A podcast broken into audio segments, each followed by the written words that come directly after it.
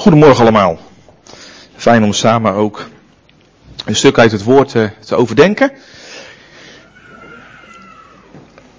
Al een paar weken ben ik eigenlijk aan het duppen van waar zal ik uh, het over doen. Dat is een proces wat je altijd hebt als je moet spreken. Alleen ik denk dat je er alleen zo van heel erg van bewust bent als je ook, als je ook af en toe spreekt. Maar er kan soms echt wel een worsteling zijn van Waarover, hè? want het woord is zo vol en zo rijk. Ja, welke keuze je ook maakt, het is altijd in die zin altijd goed. Maar afgelopen zondag, dat was voor mij de, gaf voor mij de doorslag. De begin van de dienst, die, uh, van de voordienst door, uh, door Pieter. Je las toen, uh, Pieter, de prachtige tekst uit Hebreeën 13, vers 21. En ik lees hem nog een keer voor. God mogen u toerusten tot elk goed werk, om zijn wil te doen. En om in u te werken wat in zijn ogen wel behagelijk is, door Jezus Christus. Hem zij de heerlijkheid in alle eeuwigheid. Amen. In die tekst spreekt zo duidelijk het verlangen hè, dat de Heer in ons uh, ja, dat de Heer ons toerust, dit jaar, vorige week was dat natuurlijk ook een teken van het nieuwe jaar, tot elk goed werk, om Zijn wil te doen, en in ons uit te werken wat in Zijn ogen wel behagelijk is. En uh, ja, we zijn een week verder nu, en dan, ik weet niet hoe dat bij jullie is gegaan, maar dan, dan is die tekst misschien wel mega lift in je hoofd, dan heb je erover nagedacht, en misschien heeft het je heel erg bemoedigd? Heb je het gemerkt ook van de week? Dat inderdaad het leven van de Heer, dat inderdaad in ons doet? Um, misschien ben je ook teleurgesteld geraakt. Kan. Wat stimuleert dat nou in ons? Daar ben ik eigenlijk bij aangehaakt in mijn gedachten. Wat stimuleert dat? Dat we uh, het goede werk gaan doen en de wil van God. Um, nou, er zijn denk ik meerdere antwoorden op. Hè? De geest. Laten we daarmee beginnen. Bijbel lezen, gebed, onderlinge bemoediging.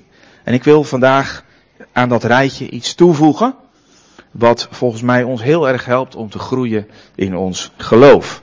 En dat heb ik niet bedacht, maar dat zegt het woord zelf. In Titus 2, en dat is de gezonde leer. We gaan het vandaag hebben over de gezonde leer. Titus 2 wil ik graag met jullie lezen.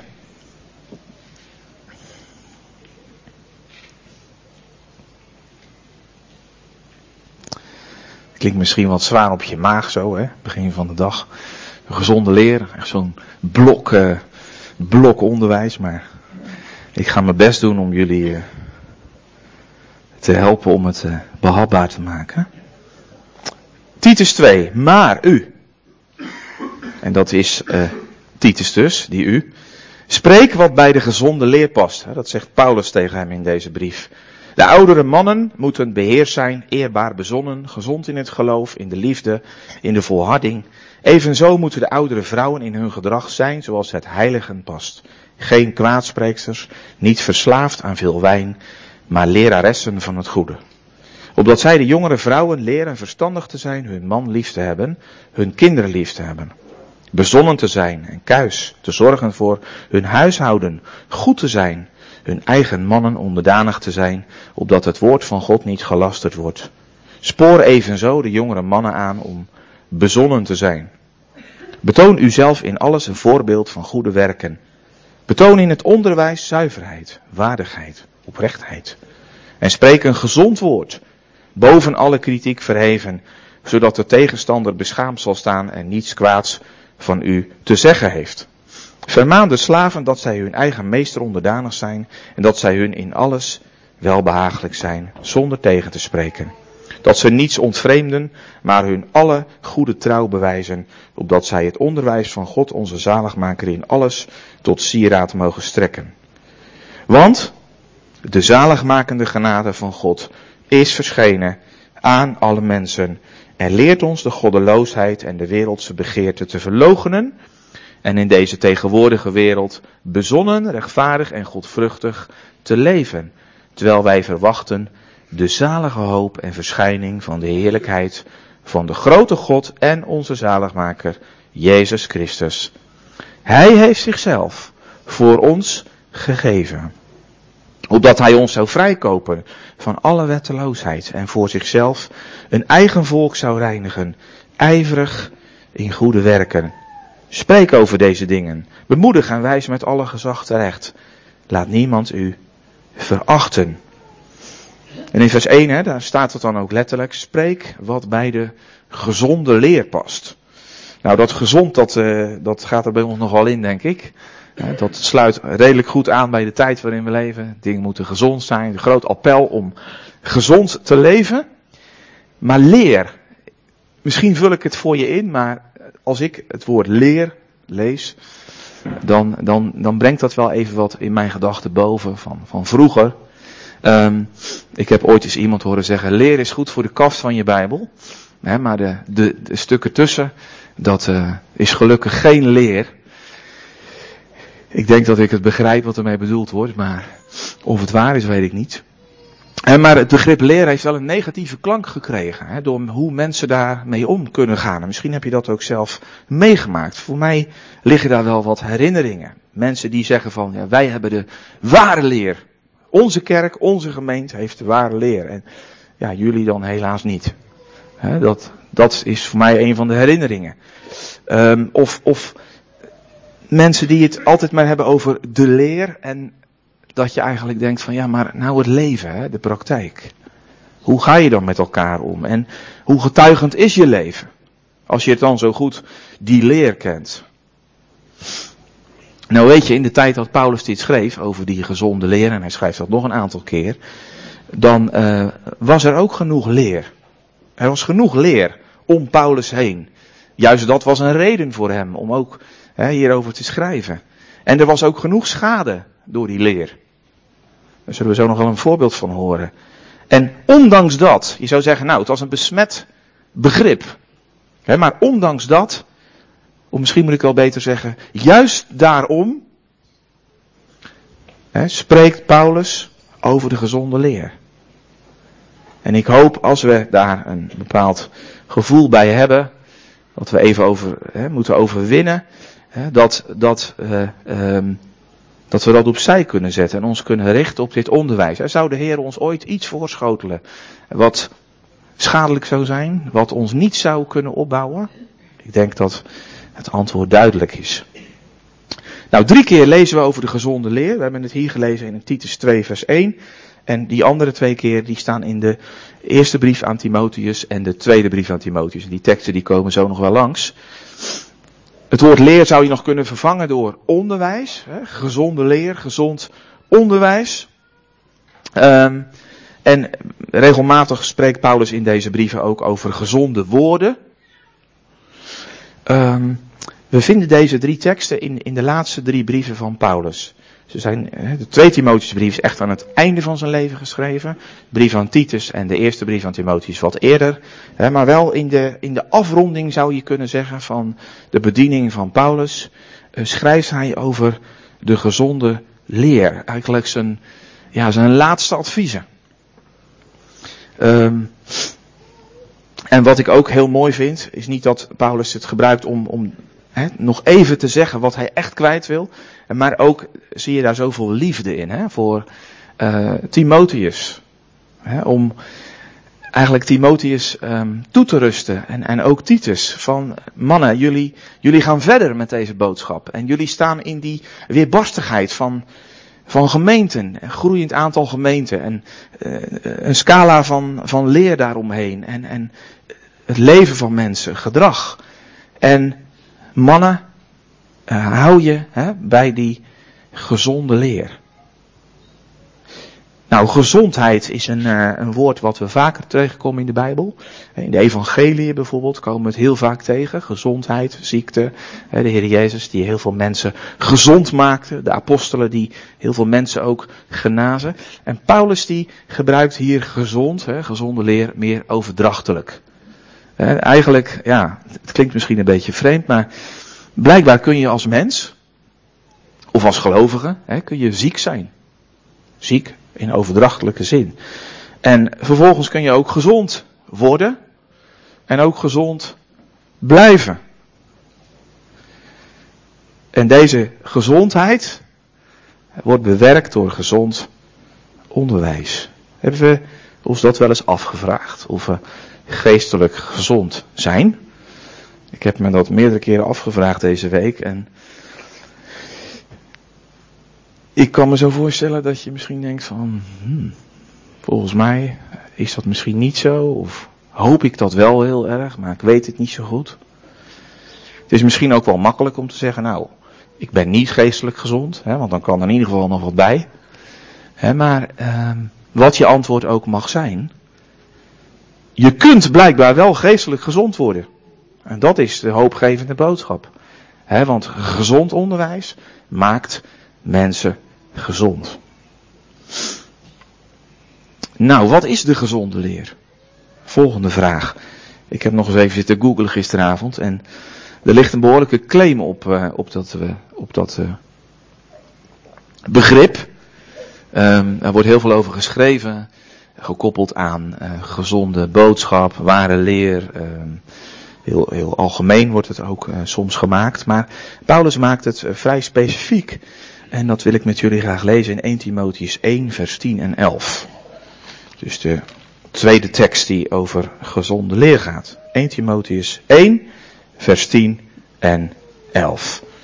En dan vallen we midden in een relaas van Paulus, waarin hij eerst heeft geschreven over de leraars die uit de wet zijn en die ook hun onderwijs zo droppen in de gemeenten.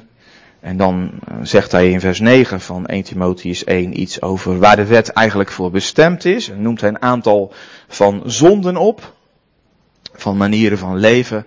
En dan zegt Paulus in vers 10, en dan haak ik even in, voor ontuchtplegers, voor mannen die met mannen slapen, voor mensenhandelaars, leugenaars, meinedigen. En, en dan komt hij, als er iets anders tegen de gezonde leer is, overeenkomstig het evangelie van de heerlijkheid van de zalige God dat mij toevertrouwd is. Paulus zegt hier, slot van vers 10, de gezonde leer, en dan toevoeging vers 11, overeenkomstig het evangelie van de heerlijkheid van de zalige God dat mij is toevertrouwd. Het eerste wat ik wil zeggen is dat heel het woord gezond is. Ik wil ook dat er geen enkel spettertje uh, uh, gevoel bij jullie is dat ik dat niet zou geloven. Um, en dat het woord dat überhaupt zou zeggen. Heel het woord is gezond. Hè? Je kent vast die tekst vanuit 2 Timotheus 3. Heel de schrift hè, is door God ingegeven en is nuttig om daarmee te onderwijzen, te weerleggen, te verbeteren en op te voeden in rechtvaardigheid, opdat de mens die God toebehoort, ook wij als we de Heer mogen kennen, volmaakt zou zijn, tot elk werk volkomen toegerust. Heel de schrift. En nog zo'n bekende tekst, Romeinen 15, vers 4. Want alles wat eertijds geschreven is, is tot onze onderwijzing eerder geschreven, opdat wij in de weg van volharding en vertroosting door de schriften de hoop zouden hebben. Heel het woord is gezond. Punt. En niet maar, hè, maar tegelijk zien we dat Paulus hier iets belangrijks zegt. En het is goed om dat ook te begrijpen. Hij betrekt dat begrip gezonde leer, zonder iets over het hele woord te zeggen, betrekt Paulus dat op een deel van het woord, namelijk het woord wat hem is toevertrouwd. En alleen dat zinnetje al zou ons al op het puntje van onze stoel moeten zetten van zo van, oh wacht eens even, dat is nogal wat, dat wil ik dan wel weten wat dat betekent. Paulus schrijft hier meer over. We gaan weer naar Titus. We moeten een beetje bladeren vandaag, maar dat geeft niet, want dan ontdek je in ieder geval dat ik het niet zelf bedacht heb. Titus 1, vers 2 en 3 staat een heel belangrijke aanvulling hierop. Op het feit dat het gaat om het woord wat Paulus is toevertrouwd. Titus 1, vers 2 en 3. Daar zegt Paulus aan uh, de tweede helft van vers 2. En hij heeft op de door hem bestemde tijd zijn woord geopenbaard door de prediking die aan mij toevertrouwd is, overeenkomstig het bevel van God, onze zaligmaker. Dus God heeft een moment uitgekozen om een bepaalde prediking aan Paulus toe te vertrouwen. En ja, daar zou je heel veel over kunnen zeggen. En ik denk als je hier al wat langer zit, dat je ook wel misschien een idee hebt wat Paulus hiermee bedoelt. Hè? Met deze leer, met deze prediking, bedoelt Paulus niks anders dan het, het verborgen woord van God. Hè? Dat wat eerst verborgen was, hè? over het geheimenis en wat openbaar gemaakt. Dus ik wil jullie vragen, als je dat niet helder hebt, lees dan vandaag alsjeblieft nog een keer Efeze 3. In Efeze 3 legt Paulus dit heel goed uit. Eerst wat de Heer heeft geopenbaard. En vervolgens ook dat Paulus daar de boodschapper van mag zijn. Paulus, ja. Dat is ook zo'n zo'n naam die, eh, die nogal veel kan doen. Hè? Als je, Paulus weer. Hij, hij heeft blijkbaar iets gekregen en het, het, moet dan weer via hem. Hè? Dat kunnen van, die, kunnen van die gevoelens zijn. Ik zeg niet dat jullie ze hebben, maar ik kom ze wel eens tegen. Maar Paulus was absoluut nederig. Absoluut. In meerdere brieven kun je dat heel duidelijk lezen. Dat Paulus zich beschouwde als een dienstknecht die iets had ontvangen van God. En ook meerdere keren zegt van, dat ik dat nou mag vertellen. Ik had mezelf niet uitgezocht. Maar God heeft die keus gemaakt. En vervolgens zie je dat hij met die kennis die hij krijgt van God, ook met vuur en verven, die verantwoordelijkheid pakt zijn apostolisch gezag ook serieus neemt. En zegt mensen, als God aan mij een boodschap heeft gegeven, dan deel ik hem ook uit aan jullie. En dan durf ik jullie ook te zeggen, namens de Heer, dit is het woord wat je ook moet weten. En wat dat woord dan is, daar kom ik zo. Paulus mag het woord van God volmaken. Even met jullie naar Colossense 1. En dat stukje mogen we wat langer open laten liggen, dus dat scheelt weer wat bladerwerk. Colossense 1, vers 25 en 26. Daar zegt Paulus dat heel duidelijk. Ik kon vers 24 er ook wel bij lezen. Paulus zit in de gevangenis. En, en hij, heeft, hij heeft ontdekt waarom hij in de gevangenis zit. Het is geen toeval, geen uh, omstandigheden die hem daar gebracht hebben of zo. Of een een of ander lot. En maar Paulus zegt, nu verblijd ik mij, Colossense 1 vers 24, in mijn lijden voor u en vervul in mijn vlees wat overblijft van de verdrukking van Christus, ten behoeve van zijn lichaam, dat is de gemeente. Daarvan ben ik een dienaar geworden overeenkomstig de beheerderstaak van God, die mij met het oog op u gegeven is, om het woord van God, en dan komt hij, te vervullen, vol te maken. Paulus zegt, ik mag het woord van God volmaken. Wat dan? vers 26, namelijk het geheimenis dat eeuwen en geslachten lang verborgen is geweest, maar nu geopenbaard is aan zijn heiligen. Laat het even open liggen. Ik ga zo nog even verder bij Colossense 1. Paulus mag het woord volmaken. Dat is een, dat is een belangrijk begrip. De Bijbel, als ik alleen al dit stuk tussen mijn vingers neem, was al behoorlijk vol. Maar God vond het blijkbaar nodig dat er nog iets bij kwam. En dat samen dat woord daarmee vol werd. En dat volle woord hebben wij nu voor ons liggen. dat, dat is de schrift. Het woord van God. Het geïnspireerde woord van God. Van kaft tot kaft. Dus daarvoor was het woord nog niet vol. Wel waar, maar niet vol. Ja? En dat is mooi om, even als, als statement, de gezonde leer waar Paulus over spreekt, gaat uit van een compleet woord, van een complete openbaring. En wat is nou de toegevoegde waarde dan? Want er staat al zoveel in de Bijbel daarvoor. Voordat Paulus in de gevangenis zat, hebben we de wet, hebben de profeten, hebben al heel veel brieven, ook heel veel onderwijs van Paulus zelf, ook van andere apostelen. Wat is dan de toegevoegde waarde? Dat is echt zo'n zo'n vraag van mij misschien, maar misschien heb je hem zelf ook. Maar wat voegt dat nou toe? Nou, een paar elementen. Allereerst, hoe Christus de gemeente, en laat ik het maar heel persoonlijk maken, hoe Christus ons, jou en mij, als wij de Heer Jezus mogen kennen, met zichzelf doortrekt. Christus doortrekt ons met zichzelf. Dat is nauwelijks voorstelbaar. Wat dat heb je, kun je eigenlijk geen goed voorbeeld bij bedenken. Maar Christus wil ons helemaal doortrekken met zichzelf. En daarom wordt er ook gezegd, hè, steeds weer, wij zijn in Christus. We zijn in Christus. Hè, met Hem gestorven, met Hem opgestaan, met Hem in de hemelse gewesten gezet. Kun je niks bij voorstellen. We zullen ook met Hem verschijnen. We hebben Colossense 1 nog open liggen misschien. Vers 27, Colossense 1 vers 27. Aan hen, aan die heiligen dus, hè, aan de gemeente, aan ons, van vers 26, heeft God willen bekendmaken wat de rijkdom is van de heerlijkheid van dit geheimenis onder de heidenen. Namelijk Christus onder u. Of Christus in u zou je ook kunnen zeggen. De hoop op de heerlijkheid. De enige reden dat wij ons mogen verblijden, elke dag weer, in de genade van God. De enige reden dat er hoop is voor zondaren. De enige reden dat er hoop is op verandering van je leven, verandering van patronen, hoe je leeft, dingen waar je tegenaan loopt, is wat hier staat. Christus onder u, Christus in u. De hoop op de heerlijkheid.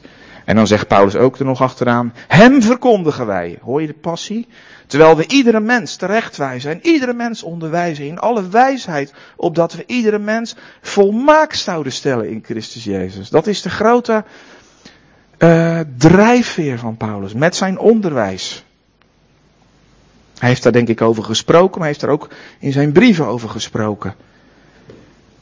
Dat we dat gaan beseffen. We zijn het niet alleen. Je kunt iets hebben waarvan je je niet bewust bent. Maar dat je er ook naar, dat je het gaat beseffen en er vervolgens ook naar gaat leven. Dat is het eerste. En ik zou op dit moment ook willen vragen, ken je hem? Het kan zo zijn dat je, dat je daar nog mee worstelt. Met het kennen van de Heer Jezus Christus. Het kennen van die genade. Maar weet je, je hoeft werkelijk niks mee te brengen. Ik weet dat ik daar heel lang mee geworsteld heb vroeger. Toen ik nog nog niet tot geloof gekomen was, altijd weer met die vraag van, ja, maar wat moet ik dan zelf doen? Kan ik dan zomaar? Mensen, we hoeven echt niks mee te brengen. Want in Christus is alles. Die genade is zo rijk. En ook wat Paulus daar nog over schrijft in dat stukje van dat vol, vols, waarmee hij dat woord nog vol maakt, is zo rijk. We hoeven niks mee te brengen. In hem is alles. En dat is ook een stimulans hè, om te getuigen over de Heer Jezus Christus. Want ook voor Paulus was dit, dit wat hij wist, deelde hij uit. Dit was het evangelie wat hij preekte, ook onder heidenen, ook onder mensen die daar niks van afweesten. wat, wat hebben we een rijk evangelie om bij mensen te brengen? We hoeven niks mee te nemen, hoeven niemand te zijn, hoeven niks te presteren, we mogen het krijgen volledig uit genade. En als we bij de Heer Jezus Christus komen en in Hem geloven, dan hebben we niet een relatie van Hij is daar en wij zijn hier. Maar dan hebben we een relatie waarin Hij zich volledig, ja, ons wil doortrekken met zichzelf. Waarin wij in Hem zijn. En je merkt aan hoe ik er op dit moment over spreek dat dat, dat ik ook de woorden zoek Hè? Maar gelukkig hoeven mijn woorden dat in jullie hoofd en jullie hart niet te bewerken. Wat is de toegevoegde waarde dus van, die, hè, van dat extra stukje om dat woord vol te maken van, dat gezonde, van die gezonde leer? Nou, allereerst wat Christus de gemeente met zichzelf direct. Het tweede, wat het, wat het hele werk van Christus inhoudt. Er is veel over te zeggen. Ik hoop binnenkort in februari een bijbelstudie te houden. Hier ook over eh, de Colossensebrief. En dan hoop ik daar iets meer over uh, uit te leggen. Het alomvattende werk van Christus. Paulus laat in dat laatste stuk eigenlijk nog meer zien van wat is nou het totale werk van de Heer Jezus Christus? Wat is nou de, de totale betekenis van het kruis? Het zijn cirkels die, cirkels van steeds meer zicht. En tot slot, je ziet dat ook in, de, in, uh, in dat onderwijs wat Paulus nog geeft, um, dat het accent eigenlijk verschuift. Hè? Het accent wat bijvoorbeeld in de handelingenperiode anders lag. Hè? Dat het gemeente zijn in de, in de handelingenperiode nog heel duidelijk vanuit Jeruzalem werd aangestuurd, onder leiding van de apostelen. Logisch, hè? want wat er in het begin van handelingen gebeurde, dat de geest op Israël kwam, daar Iedereen had die verwachting. Hè? Lees de preek van Petrus in Handelingen 2 of in Handelingen 3. Iedereen had die verwachting. De Heere gaat zijn belofte wat betreft het koninkrijk waarmaken. En zo is het evangelie ook de wereld ingegaan. En zo hebben die apostelen dat ook beleefd vanuit Jeruzalem. maar Paulus die uh, geeft in dit onderwijs, gaat eigenlijk verder naar de tijd daarna. en focust op het lichaam van Christus, waarin niet meer Jood en Heiden op deze manier in verhouding staan. De Jood tot zegen voor de Heiden, maar waarin eh, Jood en Heiden één zijn. Nou, ik realiseer me dat als je dit voor het eerst hoort dat het veel is, dat je misschien denkt van waar gaat dit over, maar nou ja, soms kan een preek een aanzet zijn hè, om, om, daar meer over te lezen, om daar meer over te willen weten. En er zijn meerdere mensen ook in deze gemeente die je daar zeker bij kunnen helpen als je daar ook vragen over hebt. Toegevoegde waarde, ja, dat willen we graag weten. Hè? Nou, die is er. En ik zou zeggen, wat mogen we daar dankbaar over zijn? Hè? Want je kunt het heel technisch maken, gezonde leren, maar dankbaarheid, ons hart. Word je daar dankbaar van? Hè? We zijn in Christus. We hoeven niet op basis van ons gevoel vast te stellen hoe onze relatie met Christus is als we geloven. Niet dat gevoel niet belangrijk is. Maar elke dag, 24 uur, 7 dagen per week, mogen we zijn in Christus. In zijn genade. Dat is onze identiteit. Dat is ons leven. Nog even een klein stukje over die leer. Kort. De gezonde leer, en dat heb je een beetje mee kunnen maken door wat ik nu heb gezegd, vraagt onze aandacht eigenlijk ook voor een stukje, ja dat klinkt wat moeilijk, maar het is belangrijk begrip, heilshistorische openbaring. De Heere heeft een plan, hij openbaart een groot deel van dat plan in zijn woord, en in dat plan zijn bepaalde perioden. Hè? Perioden. En bij die periode hoort vaak ook weer een specifieke boodschap.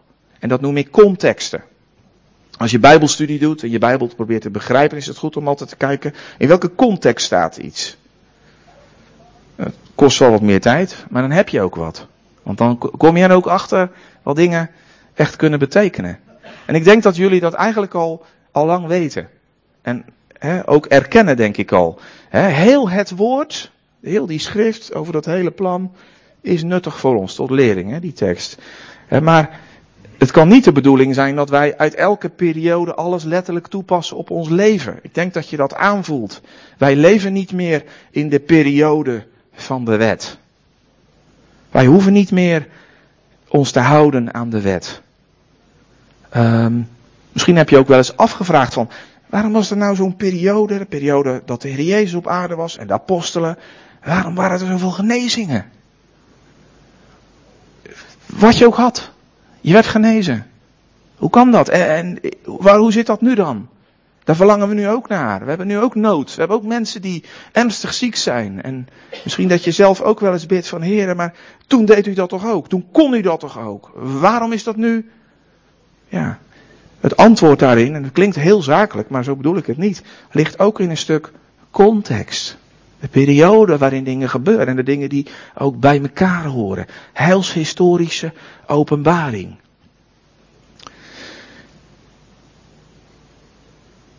Als je hier niks van aantrekt, van wat ik nou doe, als je daar niks van aantrekt, ga ik even heel zwart-wit maken, dan maak je van de Bijbelse boodschap een hele grote mix. En dan zijn de gevolgen ook groot. Dan, dan krijg je inderdaad een Bijbel dat je denkt van, maar hier staat dat en daar staat dat en ik kan het niet met elkaar rijmen. Nee, dat is logisch, want bepaalde dingen staan in een context.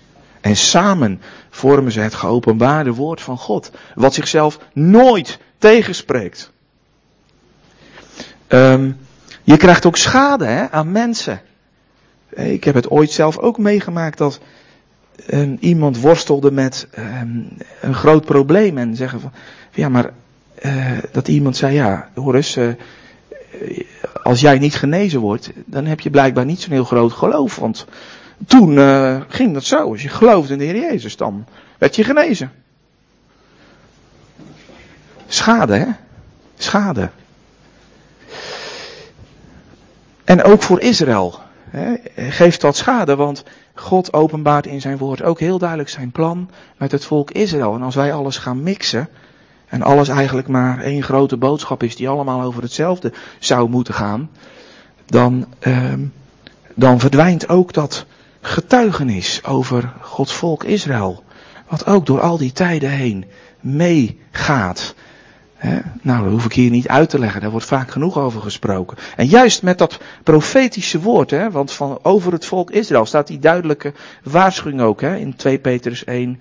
Geen eigenmachtige uitleg geven aan het profetische woord. We mogen dat profetische woord niet zomaar mixen.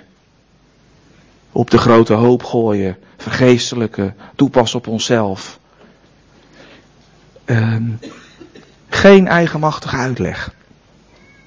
Misschien is dat ook wel een reden dat je bent aangeschoven bij, bij Dabar. Dat zou kunnen, hè? dat je in je vorige gemeente, ik, het wordt niet zo vaak benoemd, maar het schoot me toch door de gedachte. Ik dacht, laat ik gewoon eerlijk zijn. Voor ons als gezin is dat wel destijds zo geweest. Je, je zoekt naar onderwijs wat recht doet aan Gods woord. En op een gegeven moment kun je op een moment komen in je leven dat je zegt, en daarom ga ik ergens anders heen. Waar naar mijn gevoelen, mijn overtuiging, daar meer uh, ja, recht aan gedaan wordt. En dat is een worsteling. Bij ons was dat een worsteling en ik denk dat dat bij iedereen zo is. Um, alleen als je de illusie hebt dat je hier op de plek gekomen bent waar de ware leer is, en dan zou ik zeggen, ga snel weer weg. Want het is niet zo. dat moeten we ook nooit pretenderen. Wij allemaal, inclusief mezelf, hebben het gezonde woord, de gezonde leer, elke keer nodig om daardoor gevoed te worden. Allemaal evenveel. Heel Gods woord is waardevol. Dat tot slot nog even voor mensen die toch een, bij een ongerust gevoel hebben, een beetje over wat ik nu heb gezegd. Um, in uh, de Timotheusbrief zie je ergens een tekst staan. 2 Timotheus, 1 Timotheus 2 vers 15. Of 2 Timotheus 2 vers 15 meen ik.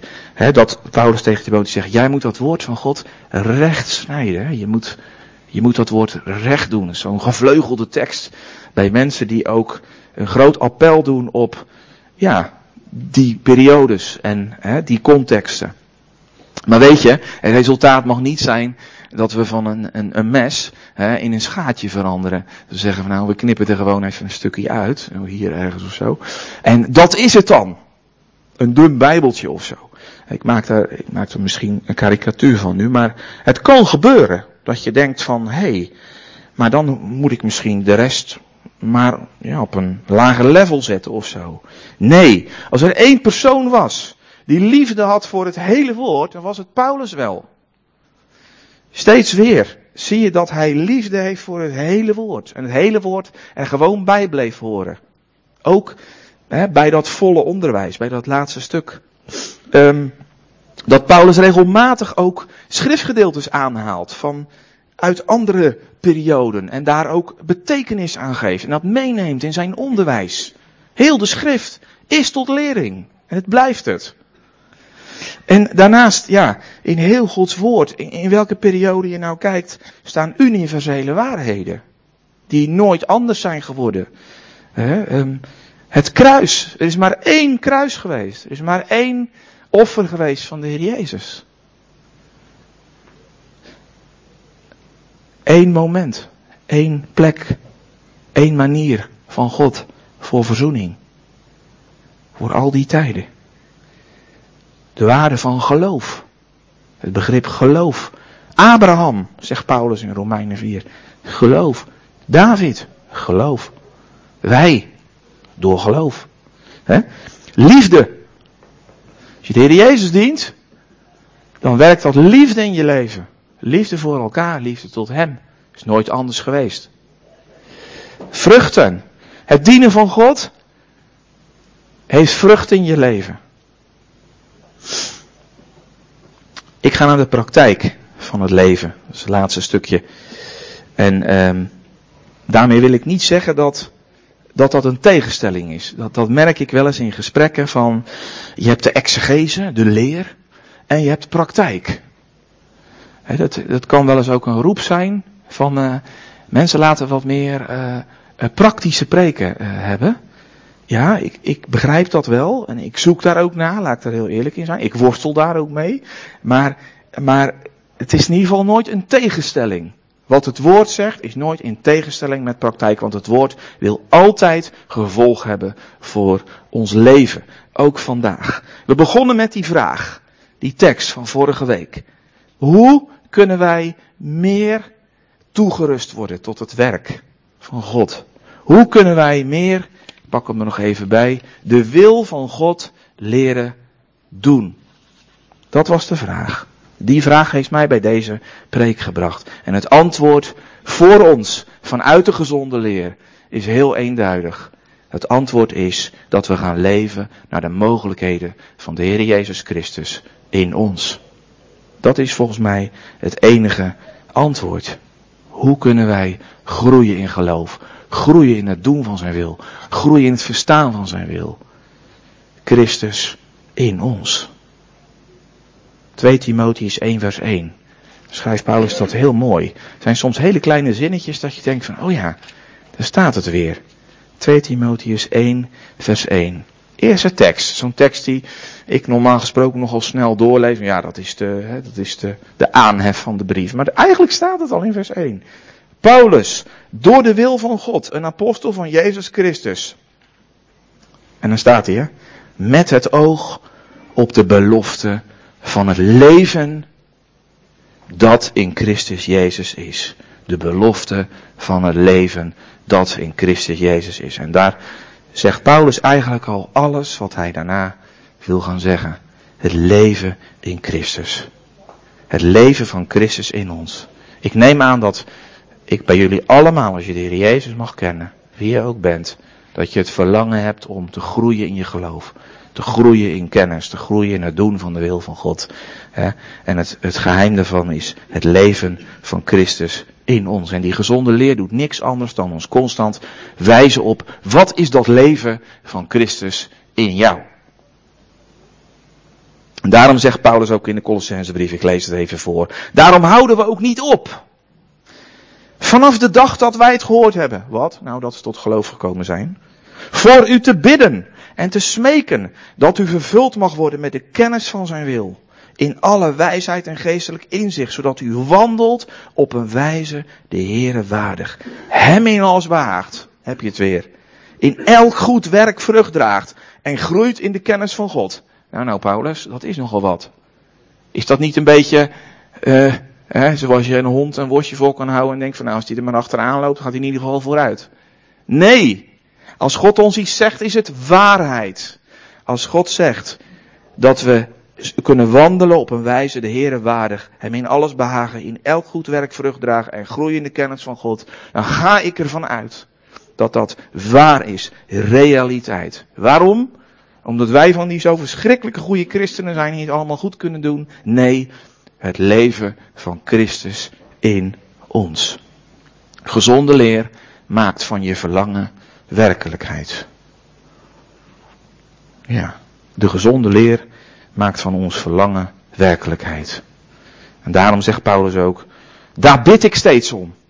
En bidden wij daar ook steeds om? Is dat ook een deel van ons gebed? Want de Heere wil het ons laten zien. Aan alle kanten. Gezonde leer is geen studeerkamerleer. Het is onderwijs wat bij het echte leven past. Kijk maar in Titus 2. Titus 2, hè. We gaan dat natuurlijk niet tekst voor tekst behandelen, dat snap je ook wel. Maar we hebben dat gelezen, hè, dat het, het, het, het gaat over het, het leven. Hè. Hoe gaan mensen met elkaar om? Het gaat over relaties. Het gaat over um, wat kun je voor elkaar betekenen. Kijk, ik geef het toe. Het, het is niet hoe we het tegenwoordig in de maatschappij zien. Maar ja, dat moet ons toch niet meer verwonderen, hoop ik. Hè, in deze wereld levend. Maar dit is, het, dit is de gezonde leer. Over het gezonde leven. Het is Gods woord. Ook al vindt men daar van alles wat van. Spreek, hè, vers 1, wat bij de gezonde leer past. En dan daarna komt dan wat hij dan moet spreken. De orde van God. Ik heb er al veel vaker over gesproken. De gezonde orde van God. En hoe hebben we dat nodig? Kijk, de wereld heeft dat nodig, maar wij hebben dat ook nodig. Als we zeggen dat we geloven in de Heer Jezus. Als we zeggen dat we een gezin uh, willen leiden, ook onze kinderen als we die hebben, in het dienen van de Heer Jezus. Dan hebben we orde nodig, maar ook gewoon in de gewone relaties onder elkaar. Jongeren en ouderen onderling. Iedereen doet mee. Dat is mooi hè? Iedereen doet mee in de gemeente. Nou, dat is vernieuwend, toch? Deze maatschappij is dat niet zo. Geen generatiekloof. Dat is gezond. In de gemeente van Christus is geen generatiekloof. Natuurlijk. De muziek van de jeugd is misschien de andere muziek als van de mensen die wat ouder zijn. Maar dat is geen generatiekloof. Dat kan je hoogstens smaak noemen misschien. Maar geen generatiekloof. Ja toch? Nu maak ik het wel heel glad hè. Ja. Um, geen stakingen. Hè? Als je doorleest hier in, um, in vers, uh, vers 9 over, over slaven, over werknemers.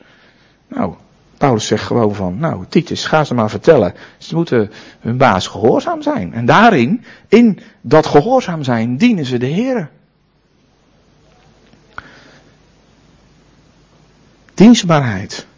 Je ziet dat elke rol die hier benoemd wordt, te maken heeft met wat kan ik eigenlijk voor een ander betekenen. Nou, daar zie je toch duidelijk het leven van Christus in.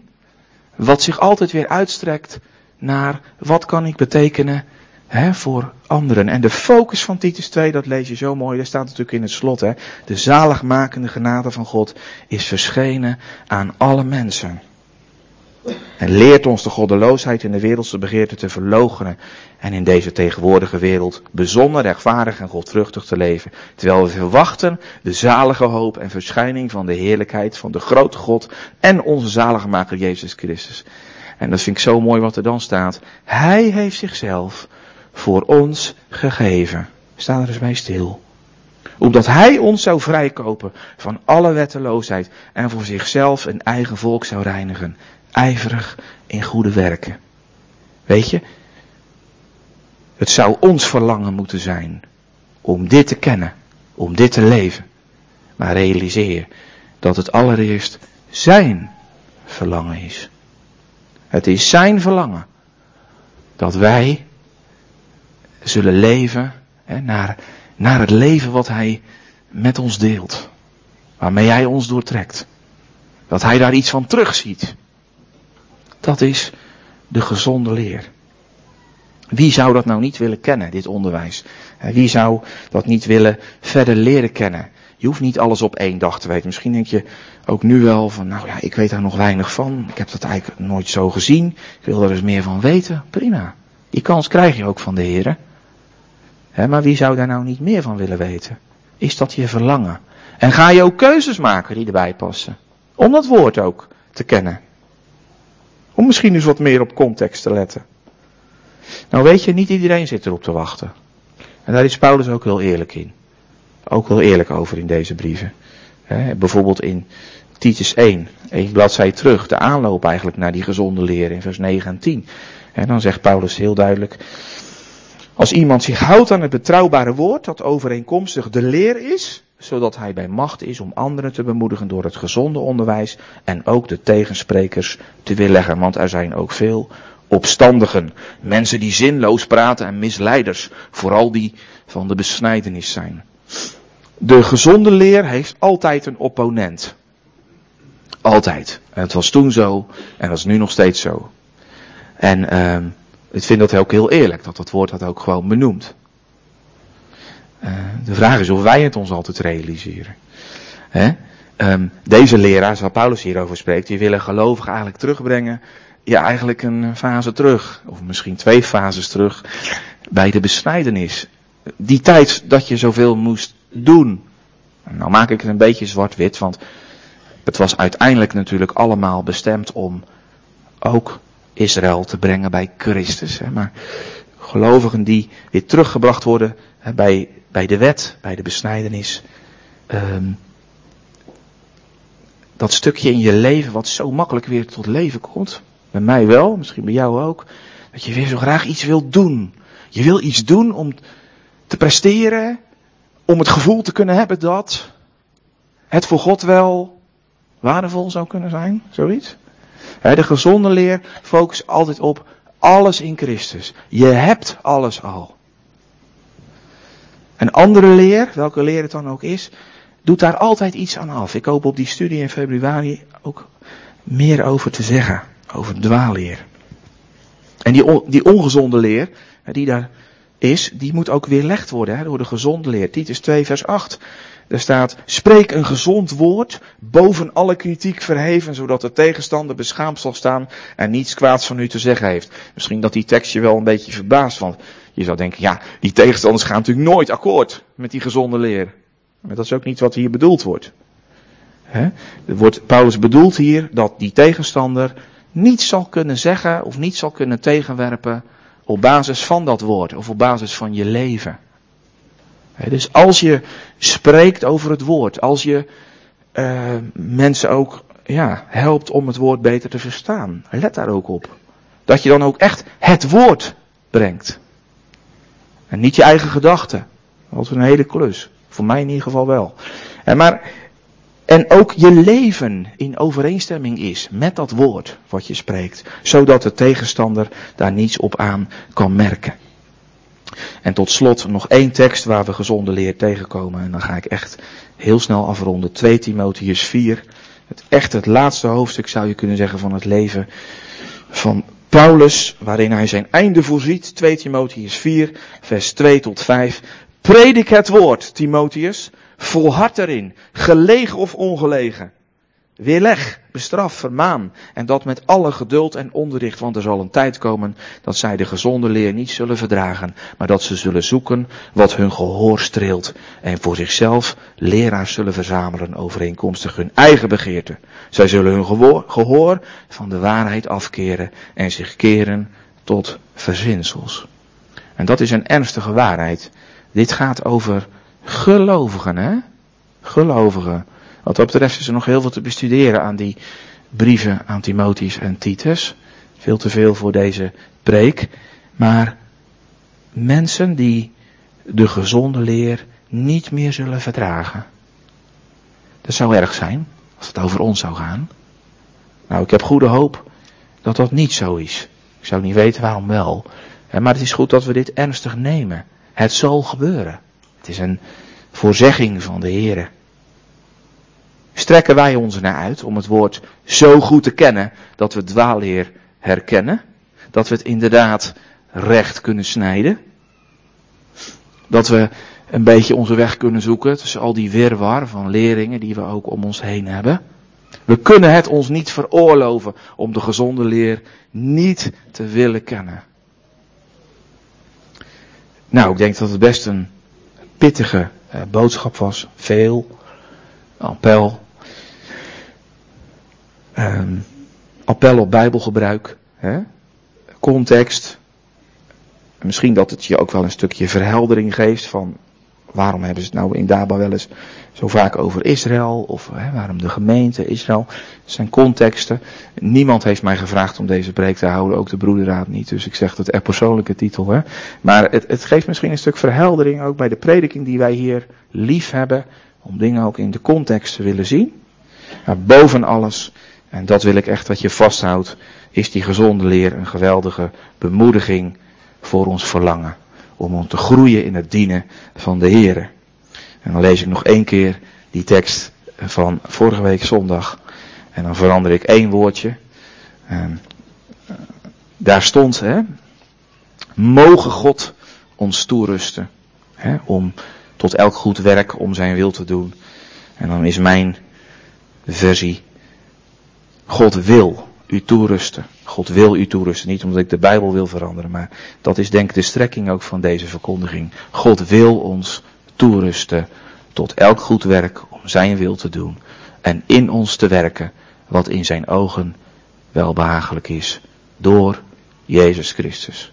Hem zij de heerlijkheid in alle eeuwigheid. Amen.